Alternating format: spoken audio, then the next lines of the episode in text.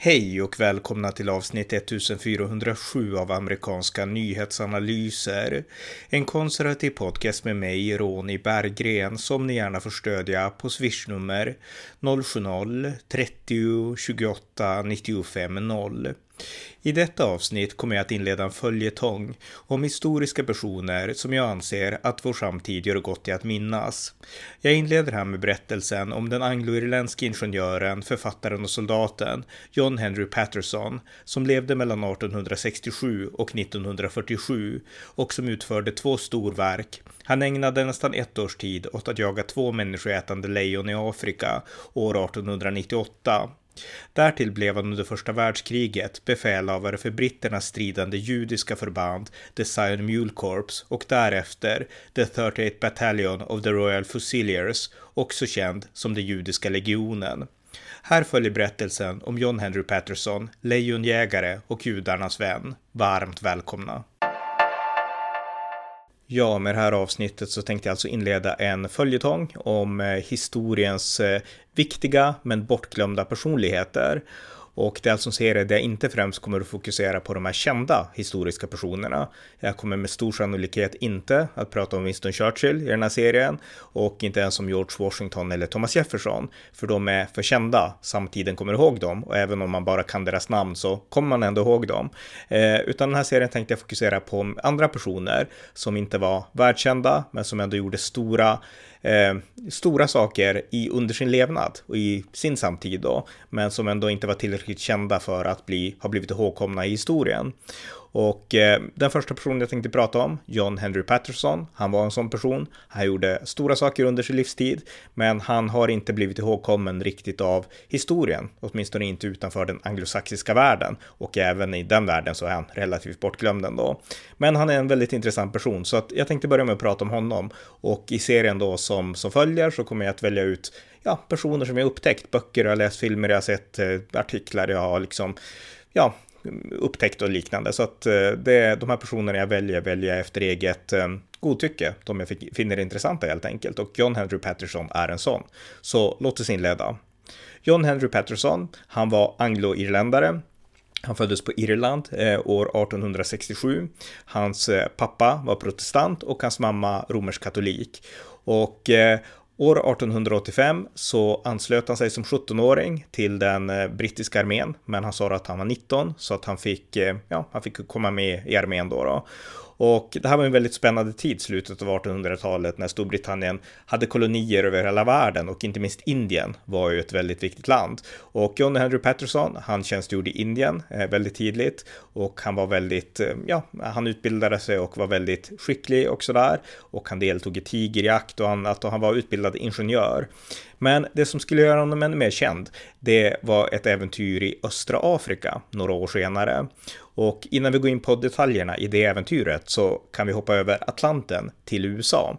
Därför att i USA så var det så här att det fanns en president som hette Theodore Roosevelt och han var väldigt intresserad av allt möjligt. Theodore Roosevelt var en person som slukade böcker och han var intresserad av historia och han var intresserad av eh, friluftsliv och natur och jakt och sådana saker. Och han läste en artikel i en, eh, i en tidning som heter The Field Newspaper och där läste han om en väldigt spännande lejonjakt i Afrika. Och det handlade om en grupp människoätande lejon som det beskrevs som i The Field Newspaper. Och situationen var den att eh, britterna försökte bygga en bro. Det var ju en, kap, en tågbro. Det var ju en kapplöpning då mellan britterna och tyskarna om koloniseringen av Afrika. Och eh, man byggde en bro i, eh, i Mombasa, i det som nu är Kenya. Strax utan där så byggde man en tågbro och britterna. Och Eh, Eh, det här, eh, den här tidningen beskrev hur det här byggnadsarbetet som pågick en bit in i djungeln där, hur det blev avbrutet under nästan ett års tid på grund av att det var människoätande tigrar som gick in i lägren för de här arbetarna som var indier. De flesta britterna hade importerat indisk arbetskraft då, som skulle bygga den här järnvägen och eh, i det här tältlägret som de hade så kom det in lejon som åt upp de här eh, arbetarna och eh, Roosevelt fann det här väldigt intressant och eh, den brittiska mannen som, som hette F.C. Silius som hade introducerat honom till den här artikeln. Han sa att det här, det här var intressant, jag måste, jag måste få läsa mer om det här. Eh, var, kommer den här historien ifrån? Och den här historien, den kom från en person som heter eh, John Henry Patterson, den person som jag pratar om i det här avsnittet. Eh, för det var så här att han skickades år 1898 till östra Afrika, till Mombasa och till Savi, som den här regionen hette specifikt, eh, för att leda bygget av en bro för den här järnvägen. Så att eh, han åkte dit och han var den som stötte på de här människoätande lejonen. Och han har skrivit en bok som heter The Man Eaters of Savo. Den skrev han 1907, några år senare. Och han skrev i mångt och mycket den därför att Theodore Roosevelt ville att han tyckte den här artikeln i tidningen var så spännande så han sa att kan ingen skriva något djupare om det här? Så att den här britten som Roosevelt pratade med tog kontakt med eh, John Henry Patterson och sa att skriv en bok, du kommer få en väldigt spännande läsare och det är ingen mindre än USAs president Theodore Roosevelt. Så att John Henry Patterson, han skrev 1907 sin bok The Man-Eaters of Savo, som alltså handlar om hans äventyr i östra Afrika år 1898. Och jag har läst den boken och den var otroligt spännande, väldigt fascinerande och eh, väldigt spännande och intressant och så. Så att jag ska berätta lite fritt eh, om den boken och det äventyr som eh, John Henry Patterson var med om. Han kom alltså till östra Afrika eh, 1898 i början av året där och eh, han kom till Mombasa och eh, på vägen dit och då han åker med skepp så så ser han att det här är, ja, det, det, är en gammal stad som har funnits väldigt länge. Vasco de Gama var där tidigare, 300 år tidigare typ, och eh, man kunde se att det här var en gammal, gammal stad där det bodde många olika människor och sådär. Och han landstiger där och sen så sätter han sig på ett tåg eh, för att ta sig ut till den här ja, frontierlinjen då, där de ska fortsätta bygga järnvägsrälsen och där han ska leda uppbyggandet då av en järnvägsbro. Han var ingenjör, så att bygga broar, det var det som var hans expertis. Och eh, han åker med en, ja, en brittisk ledsagare där och eh, eh det är ju mest bara djungel, det är inte som Afrika idag, utan det var mycket djungel djungel och en del öknar och savanner också, så att det var svårt att se så mycket. Men då såg en del strutsar och det var en som sköt en struts från tåget. Jakt var ju väldigt intressant och man tog troféer. Och de kommer fram till Savi och till det här stora arbetslägret och med väldigt många indier som britterna har importerat för att arbeta här då med, med att bygga järnvägen. Och det är ungefär 3000 människor som bor i ett stort tältläger uppe på ungefär en, en mils kvadrat, en kvadratmil kan man säga då, i yta. Och eh, så fort Patterson kommer dit egentligen så, så uppstår det ett rykte om att det här finns farliga lejon. Människoätande lejon finns här. Och eh, det är personer som försvinner, men han tror inte att det är lejon, utan han tror att det här är människor som bråkar. Och de här indierna som britterna har importerat, det är ju hinduer och muslimer och de bråkar alltid, skriver Patterson. Därför att eh, muslimerna, de eh, åt gärna kor, medan hinduerna ansåg att kor var heliga. Så att det var mycket bråk om sånt och det vart bråk och de kunde stjäla saker av varandra och liknande. Så att han trodde först att det här är förmodligen bara prat. Eh, de som försvinner, de har kanske, ja, de har slagit ihjäl varandra kanske, vem vet, men, men det är förmodligen inga lejon. Men en natt så hör han skrik och eh, det är från ett av de här tälten och eh, det, det hörs tydligt och när han kommer dit då och, eh, och eh, hör människorna som var i tältet berätta så berättar de att det kom in ett stort lejon med ett huvud, ett lejonhuvud in i tältet. Så tar fötterna på en person, drog ut den och den här personen skrek eh, släpp, släpp och sådär. Men lejonet tog ut honom och sprang iväg och fick inte höra hur han skrek. Dagen därefter så går Henry, John Henry Patterson tillsammans med en, eh, en annan beväpnad person ut och följer blodspåren.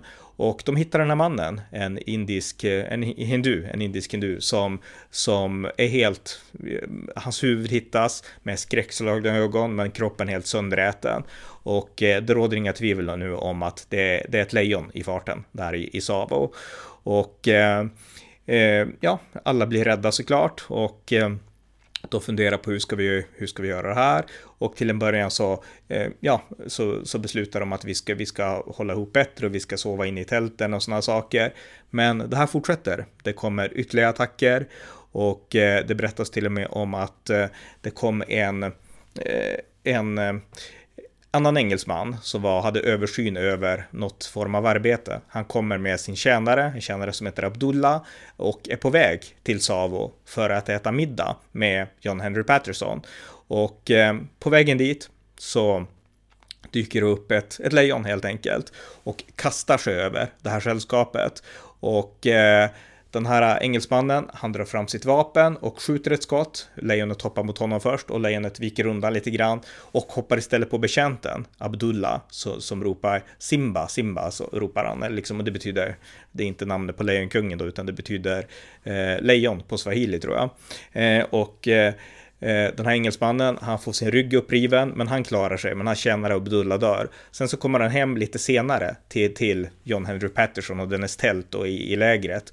Och eh, Patterson undrar, vad sen du, vart vad har hänt liksom? Ja, det här var ett välkomnande, jag mötte ett av dina lejon. du skämtar, sa John Henry Patterson. Och sen vänder sig den här brittiska officeraren, eller vad han var, om och visar en helt uppriven rygg och berättar att min kännare Abdullah är död.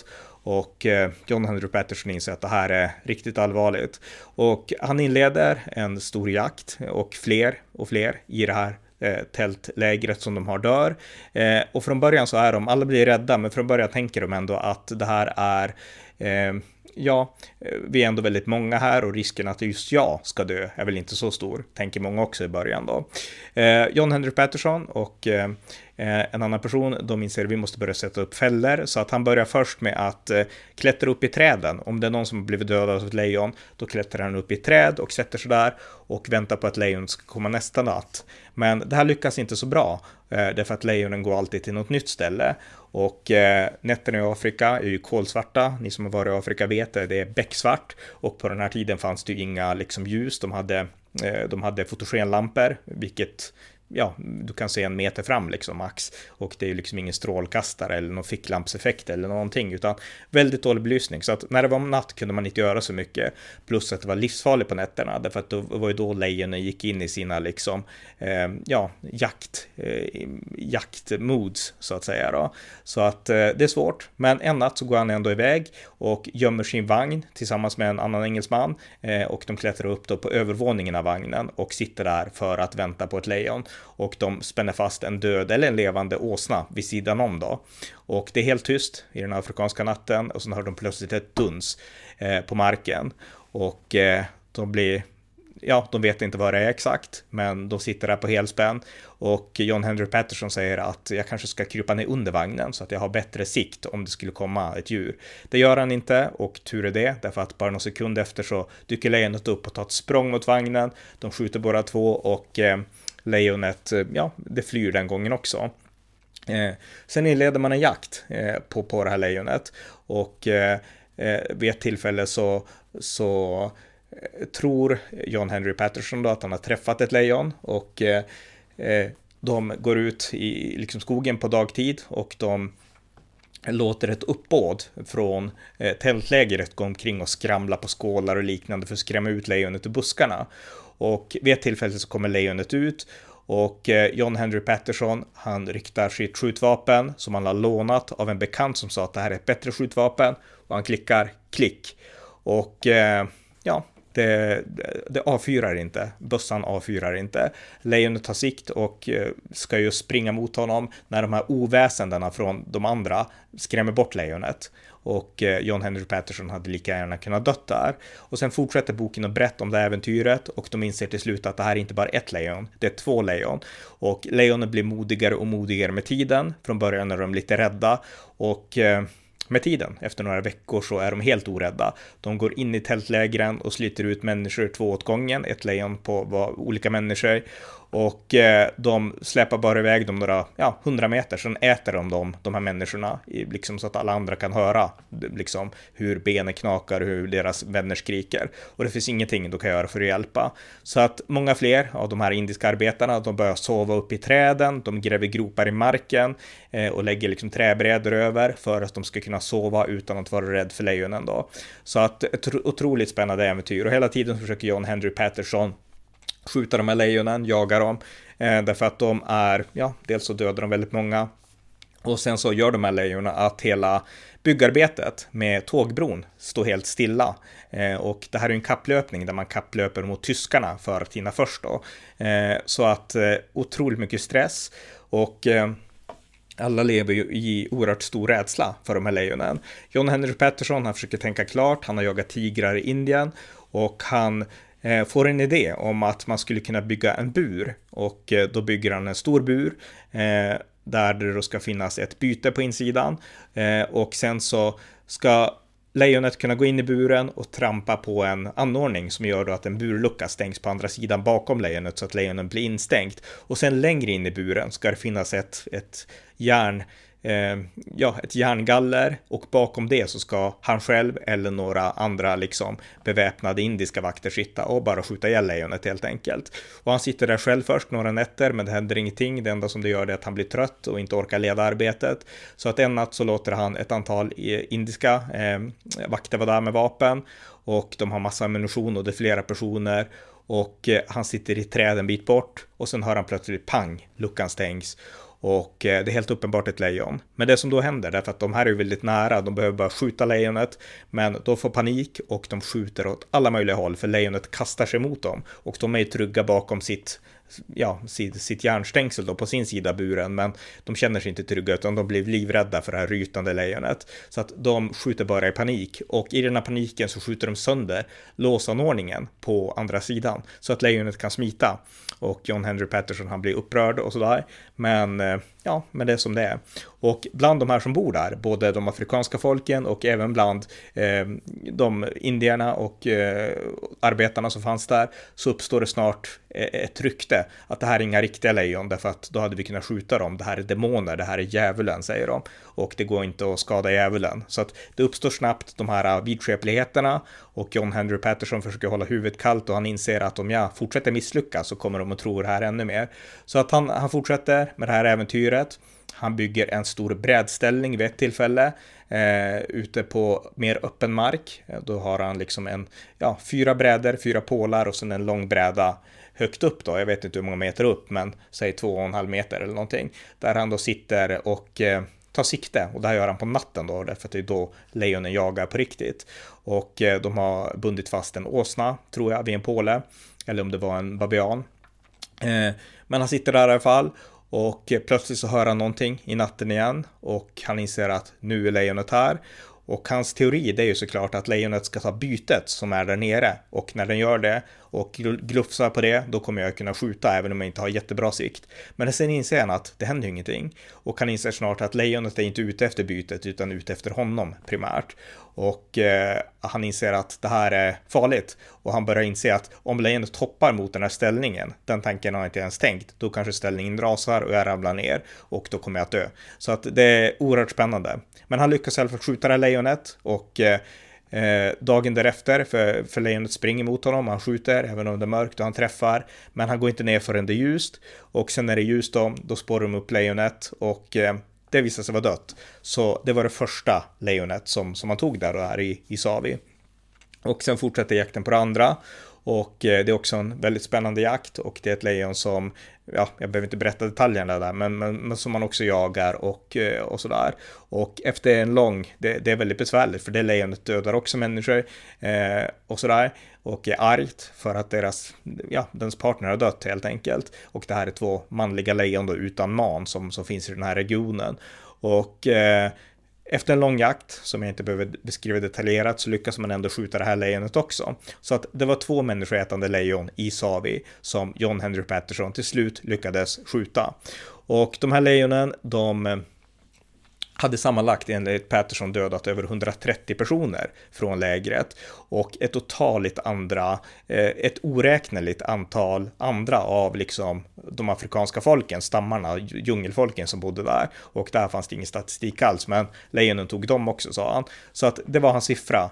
Eh, och eh, ja, moderna forskare har utifrån vissa metoder sagt att det var säkert färre, men det finns mycket tyder som tyder på att det ändå var så här många. Därför att de här lejonen åt inte upp liksom människorna, utan de åt lite grann. Och hans teori, John Henry Patterson, det var att de här lejonen gjorde det för kul. Och lite senare så hittade man även en lejonhåla där de hade bott med människoben och sådana saker.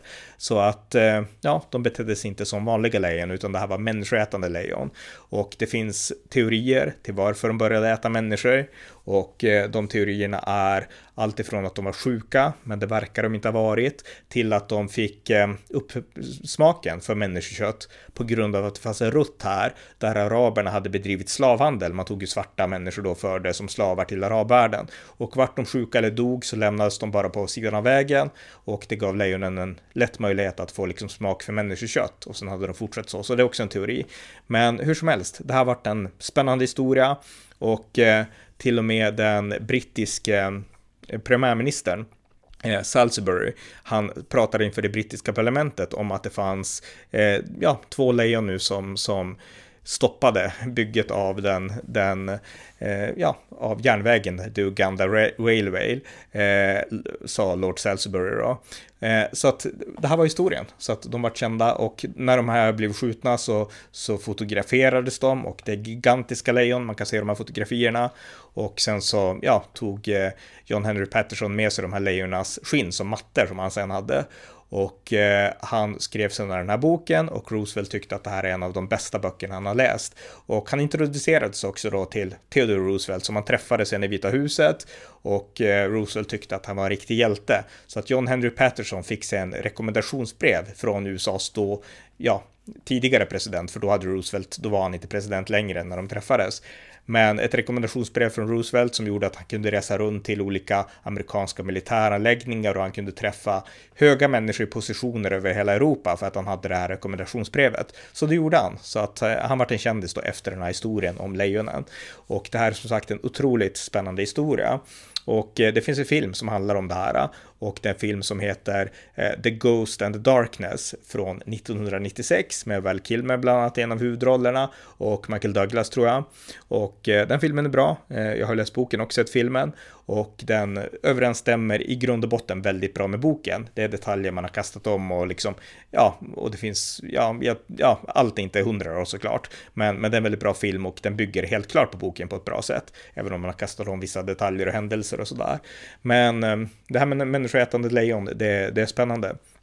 Och jag har läst och tittat på dokumentärer eh, om det här ämnet och eh, de här lejonen finns fortfarande, med, med, med, lejon som äter människor. Och det finns intressanta filmklipp där man kan, man kan se och läsa om det här. Och det jag fann mest intressant, det var en, Eh, ja, det är de händelser som utspelar sig fortfarande i Kruger National Park eh, i Sydafrika, som ligger på gränsen mellan Sydafrika och Mosambik. Och där är det så här att det kommer ofta flyktingar från Mosambik som försöker ta sig till Sydafrika. Och på dagtid så är det svårt därför att då finns det gränsvakter som övervakar och sådär. Men nattetid kan man göra det. Och eh, nattetid så eh, ja, går man helt enkelt in i den här nationalparken så, så vandrar man i det här kolsvarta mörkret och försöker ta sig till Sydafrika. Men det här är en stor nationalpark, 50 000 kvadratkilometer tror jag att jag läste att den var. Och eh, det finns många lejon där och lejonen dödar regelbundet Eh, flyktingar från Mosambik som försöker ta sig till Sydafrika. Och det händer idag, alltså det händer regelbundet. Och eh, jag har sett andra dokumentärer också, där, ja, även i Tanzania, där liksom människor i byar ute på fält blir dödade av lejon.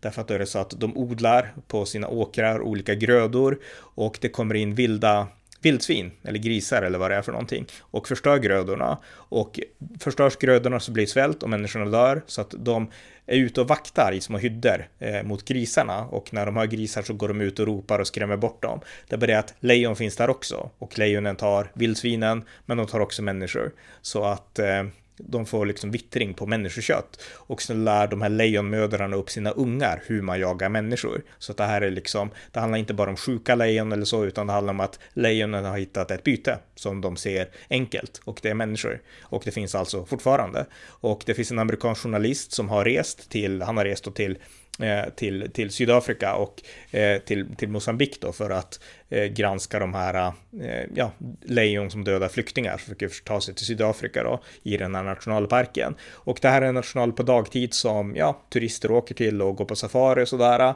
Men på natten då omvandlas det till de här riktigt farliga situationerna. Och sen är det farliga situationer som har inträffat även med med turister också ofta när de inte har lyssnat på Safari-guiden och gått ut ur bilen eller liksom vevat ner rutan och liknande. Det var en kvinna som var med på något sätt i Game of Thrones bara för några år sedan. Hon var på safari i något land och vevade ner rutan och det kom en lejonhon och hoppade in och dödade henne. Det, det står om det här i många nyheter. Så att det är ett ganska spännande ämne. Men hur som helst, det jag ville berätta då, det var att eh, den mest kända lejonjägaren som satte stopp för allt det här, det var John Henry Patterson. Och eh, han skrev då boken Man Eaters of Savi 1907. Och det här är en litteraturklassiker som jag rekommenderar alla som fascineras av djur och natur och sånt att, att läsa helt enkelt. Och eh, han han var känd på grund av den här boken eh, och eh, det hade ju kunnat räcka kan man tycka och eh, han hade kunnat leva bara på sitt kändisskap. Men det gjorde han inte utan han fortsatte att engagera sig i andra saker. Han var med i boerkriget i Sydafrika och han var med i det här kriget på Nordirland i början av 1900-talet. Och han har skrivit om de upplevelserna också. Men det tänkte jag inte gå in på så mycket i detalj, utan jag har läst en annan bok eh, som han har skrivit som heter With the Zionists in Gallipoli. Och eh, det här handlar alltså om hur han, John Henry Patterson, eh, blev ledare för en judisk eh, division, en judisk legion i första världskriget.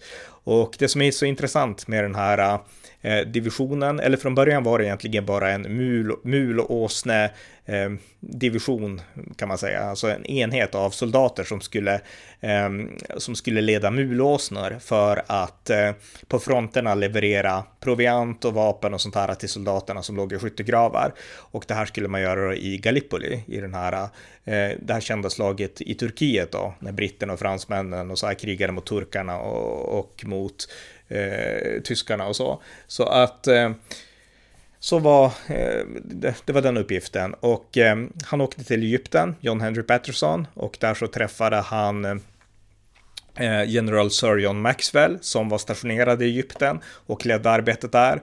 Och Sir John Maxwell, han ville skapa en judisk division Eh, därför att det var väldigt många judar som flydde från ottomanerna. De flydde för, från ottomanernas förtryck i Jerusalem och de kom till, till Egypten då, som styrdes av britterna. De kom till Alexandria och eh, de insåg att britterna är våra vänner. Britterna behandlar oss väl och britterna är inte liksom fientliga mot oss på det sätt som turkarna, ottomanerna är. Så att de flydde till brittiskt beskydd och de blev så många att britterna insåg att eh, vi kanske ska skapa en judisk division för att liksom eh, ja, få fler soldater i vår kamp mot turkarna. Så att det var det man gjorde och Sir eh, John Maxwell gav den orden, den generalen då. Men det som fick ta ledningen över det här i praktiken, det var av en slump egentligen John Henry Patterson. Så att han fick leda den judiska enheten och det intressanta med att just han blev vald att bygga upp det här och leda det här, det var att han var en livslång kristen sionist. Han hade sedan han var pojke läst Bibeln, han hade läst de här judiska ledarna i Bibeln, Joshua, Moses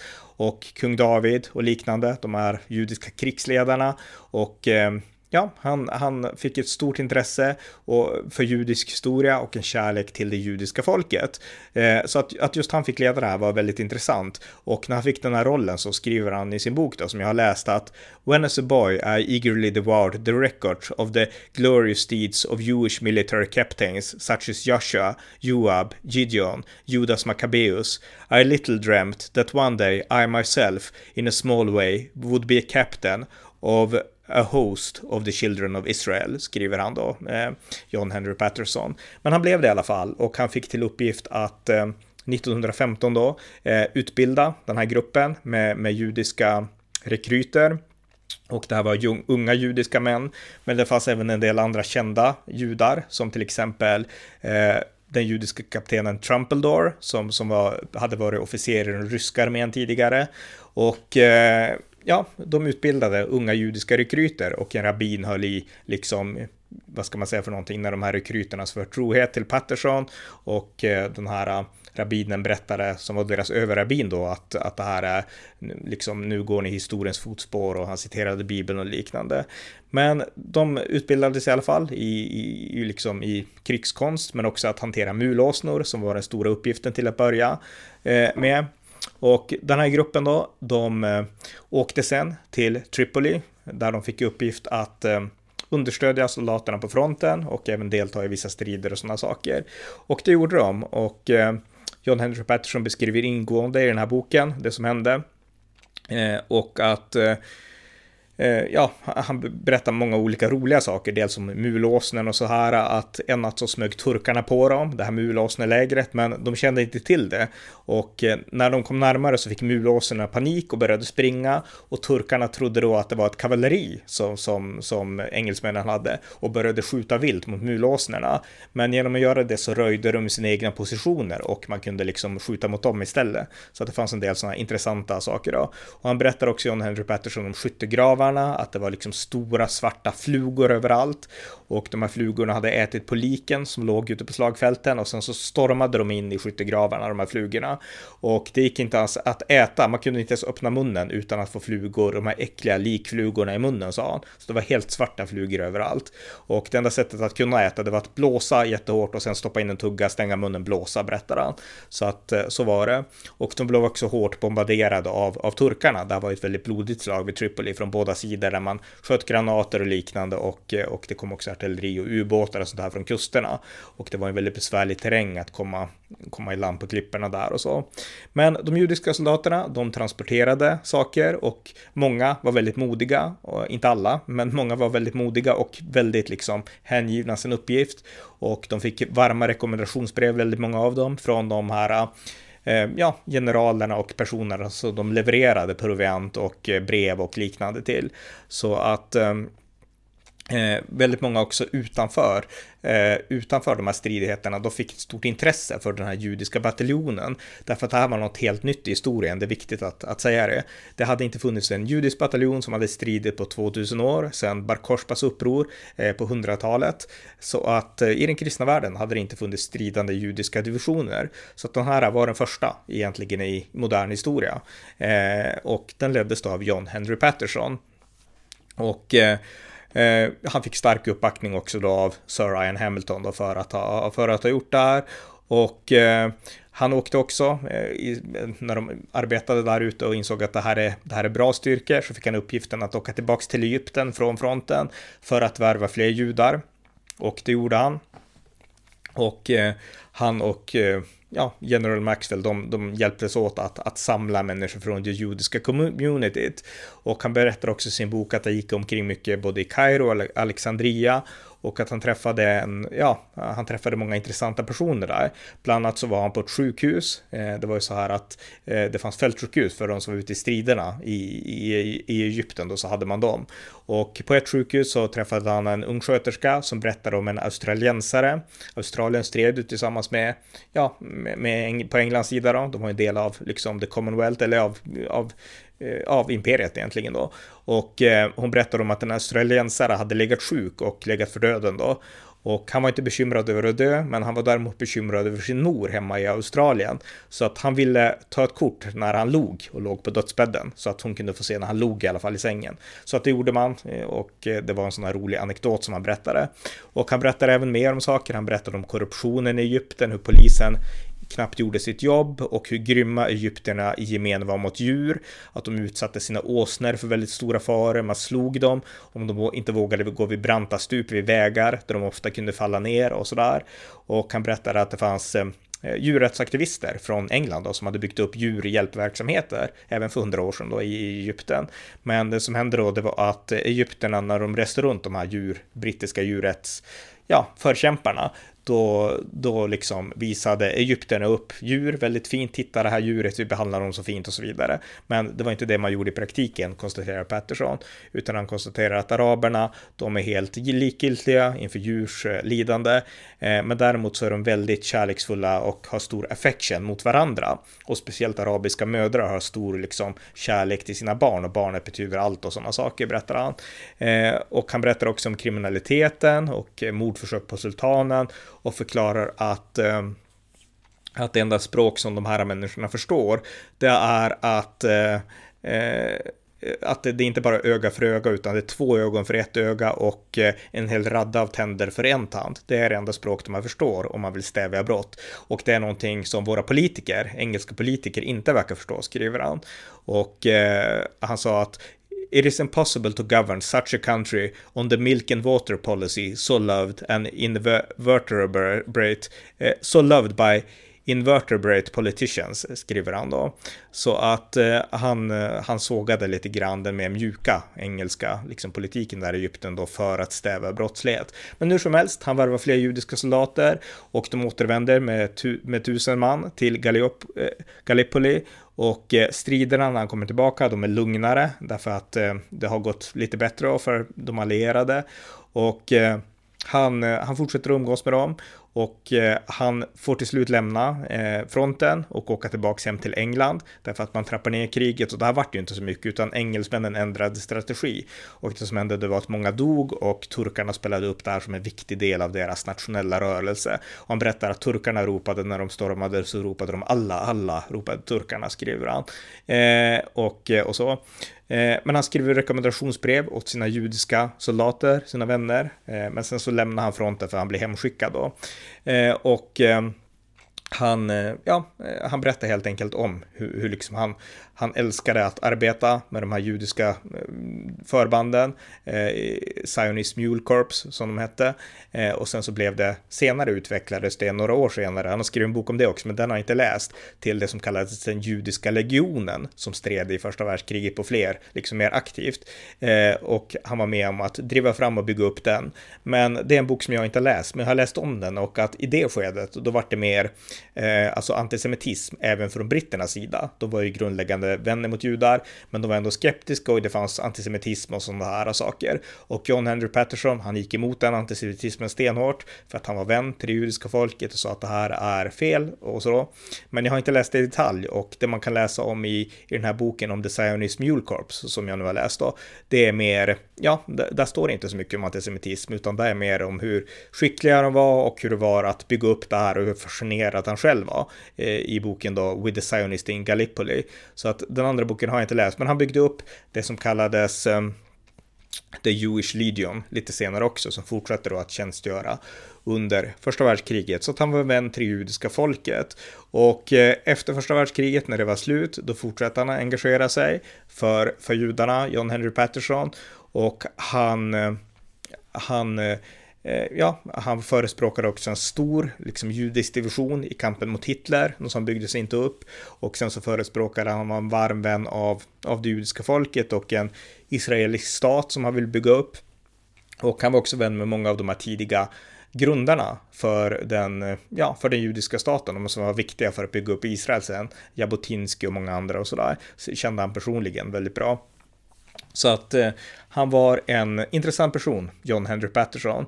Eh, sen så dog han 1947 och då bodde han i Los Angeles, eller i Kalifornien i alla fall, tillsammans med sin hustru som han tog hand om, som var, också, som var väldigt sjuk. Och eh, så, så att han dog året innan Israel grundades, vilket alltså var 1948. Eh, men han var en livslång vän av det judiska folket och eh, en kristen sionist. Och det finns en intressant sak här som, som jag verkligen vill betona. Det är att jag lyssnade på Benjamin Netanyahu när han var i Sverige för 21 år sedan ungefär. Och han pratade då om sionism och den kristna sionismen. Och han pratade då om att den kristna sionism, eller den judiska sionismen föregicks av kristen sionism. Det är någonting som ingen vet riktigt därför att alla tror att kyrkan har bara varit antisemitisk och liknande. Men han berättade att den kristna sionismen var helt avgörande för våran judiska sionism.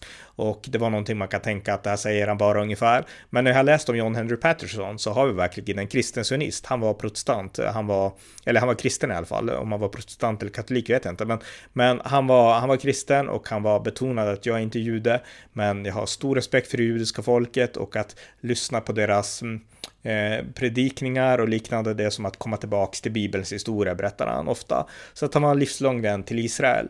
Och eh, han kände också Benjamin Netanyahus far, som eh, gjorde John Henry Patterson till gudfar för sin son Joni Netanyahu. Och Joni Netanyahu dog ju i eh, 1973 tror jag han var dödad i, på ett uppdrag som soldat i Afrika.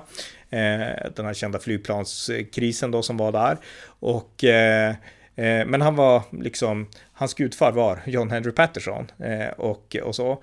Och John Henry Patterson hade också önskat att en dag få bli, eh, få sin aska, han lät kremera sig, få sin aska utspridd, eller begravd i Israel, sin urna, eh, tillsammans med de judiska soldater som han hade tjänstgjort med under början av 1900-talet. Och det här skedde långt senare. Det skedde på 2010-talet. Jag har inte årtalet framför mig exakt, men jag tror att det skedde eh, 2010. Då var det så att eh, hans urna begravdes eh, i Israel och eh, med fanns hans barnbarn Alan Patterson och eh, Israels premiärminister Benjamin Netanyahu talade också. Och han berättade följande då om sin egen och sin familjs relation till John Henry Patterson. So I want you to know, Alan, there is no exaggeration.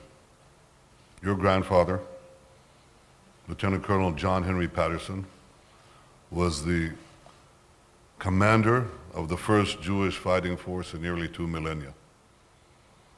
And as such, he can be called the godfather of the Israeli army. He also happened to be uh, the godfather of my late brother, Jonathan, who was named after him. Uh, so I feel that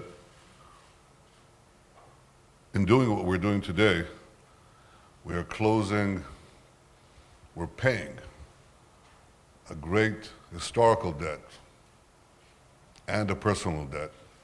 My family is here with me. My wife Sarah, my brother Ido, his wife Daphna. We are repaying a historical debt and a personal debt to a great friend of our people, a great champion of Zionism, and a great believer in the Jewish state and the Jewish people. Now, when I say Godfather, I didn't say father, Godfather. But John Henry Patterson's contribution was immense in two ways. First, by commanding this force, he gave it structure. Because the biggest, and confidence, the biggest obstacle in the recreation of Jewish independence was the ability of the Jews to defend themselves. This capacity had been lost completely in the diaspora. The Jews who were known in antiquity as great fighters, from Joshua, David, the kings of Israel, the Maccabees, Bar the Jews were renowned for their capacity to fight and defend themselves. They didn't always succeed, but they always resisted their tormentors.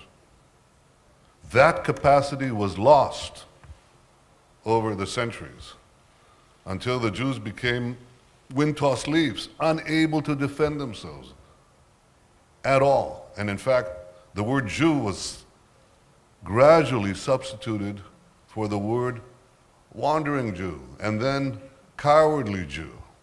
And the idea that Jews could take up arms and fight and be perhaps among the best fighters in the world, this was viewed as lunacy, not only among the non Jews, but among the Jews themselves. And it took feats of imagination, of brilliance, to imagine that the Jews could reconstitute that capacity to resist and to fight that characterized them in antiquity. This was first brought up in its full force by Herzl, who was dismissed as crazy, not only for the Jewish state, even more so for the idea of a Jewish army. That really sealed Herzl's uh, fate in the eyes of uh, advanced people. And then it was brought up by Herzl's disciple, Jabotinsky, and of course Trumpeldor, who persuaded the British to do this, and they appointed your grandfather to this job. And your grandfather immediately saw the great potential of these Jewish warriors. He taught them.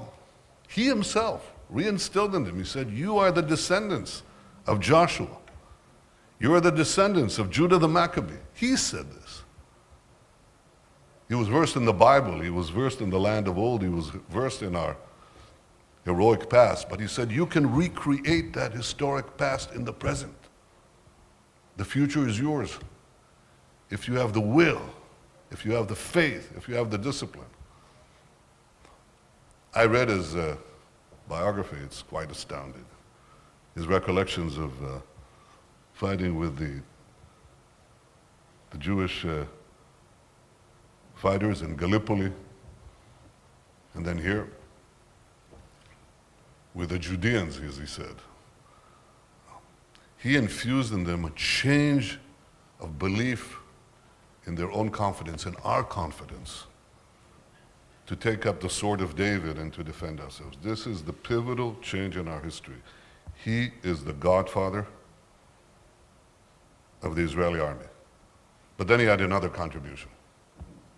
Because years later, having been a champion of Zionism, the Zionist cause all the time, he came to the United States and he met up with Jabotinsky and my late father, Professor Ben-Zion Netanyahu. My father had gone to London on the eve of the Second World War to persuade Jabotinsky to move his base of operations, agitating for a Jewish state, from England to the United States. He told them that it's true that Britain was the dominant power in the world at that time, but a world conflict will come and the emergent power will be the United States. My father was 28 at the time. And Jabotinsky heard him out, called the delegation, and he said, We should do what this man says. And they went to America and began agitating there for Jewish state. And as my father met Jabotinsky, or rather, as my father met your grandfather, they crystallized one direction a Jewish army. John Henry Patterson, Jabotinsky, very briefly because he passed away shortly after he came there. My father and your grandfather appeared again and again before audiences and said, Jewish army, Jewish army. They too were dismissed sometimes as fringe elements, but this was the basic thing that changed our fate. And it was a, a grand partnership. My parents uh, spoke admiringly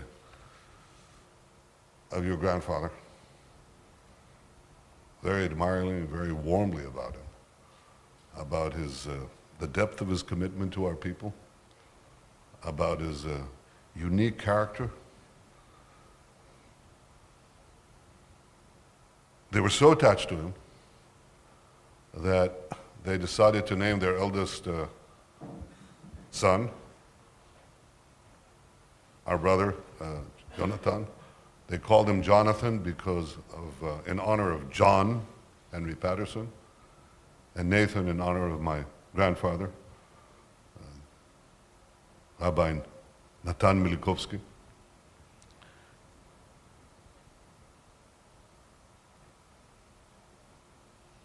And in the uh, Brit,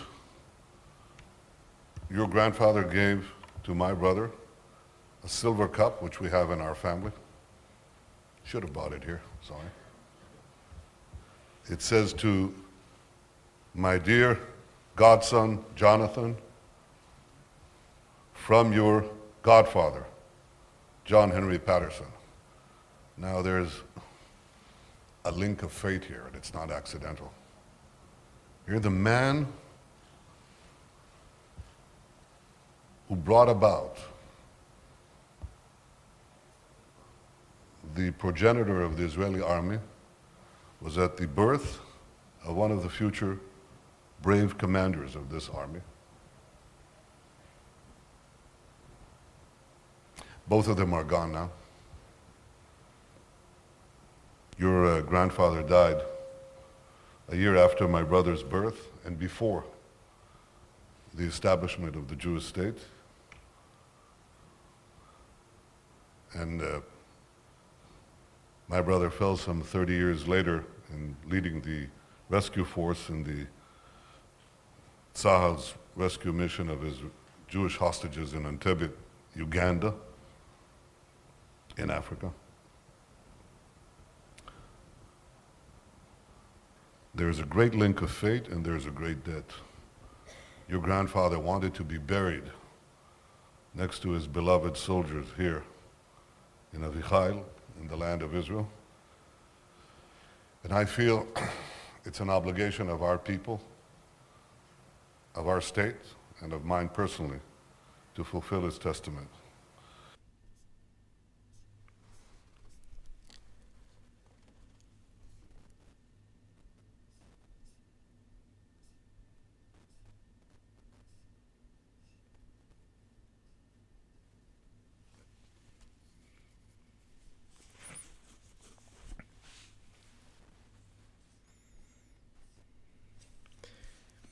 Så det var ett klipp av Benjamin Netanyahu och, eh, ja, och John Henry Patterson. Jag ska säga också att eh, Theodore Roosevelt då, som han var vän med, han blev också väldigt intresserad av den här judiska, de här judiska förbanden som tjänstgjorde åt britterna i första världskriget då. Och han sa själv att vi har judiska, en eller mindre judiska, så vi har judiska soldater här i USA och de är väldigt skickliga, hade Theodore Roosevelt sagt då. Och eh, när han läste om det som John Henry Patterson lyckades med i Turkiet så insåg han att ni har lyckats med något stort här. Det här är skickliga judiska förband, så att jag kan lägga till, lägga till det också då.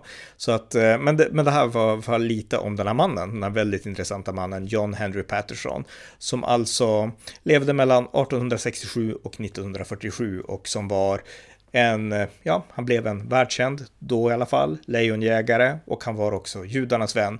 Och eh, han beskrevs som, eh, han har beskrivits, precis som Netanyahu sa i det här klippet ni nyss hörde, som, ja, egentligen fadern till det som är IDF idag, den israeliska militären. Och eh, det är inte så många som känner till det, men det var alltså John Henry Patterson. Så att det här var lite grann eh, mitt första avsnitt om historiska personer och jag hoppas att ni har lärt er något intressant utifrån det här. Det var avsnitt 1407 av amerikanska nyhetsanalyser. En konservativ podcast med mig, Ronny Berggren, som drivs helt ideellt men som kan stödjas på swishnummer 070-30 28 95 0 eller genom att via hemsidan stödja på Paypal, Patreon eller bankkonto. Det var allt för den här gången. Tack för att ni har lyssnat.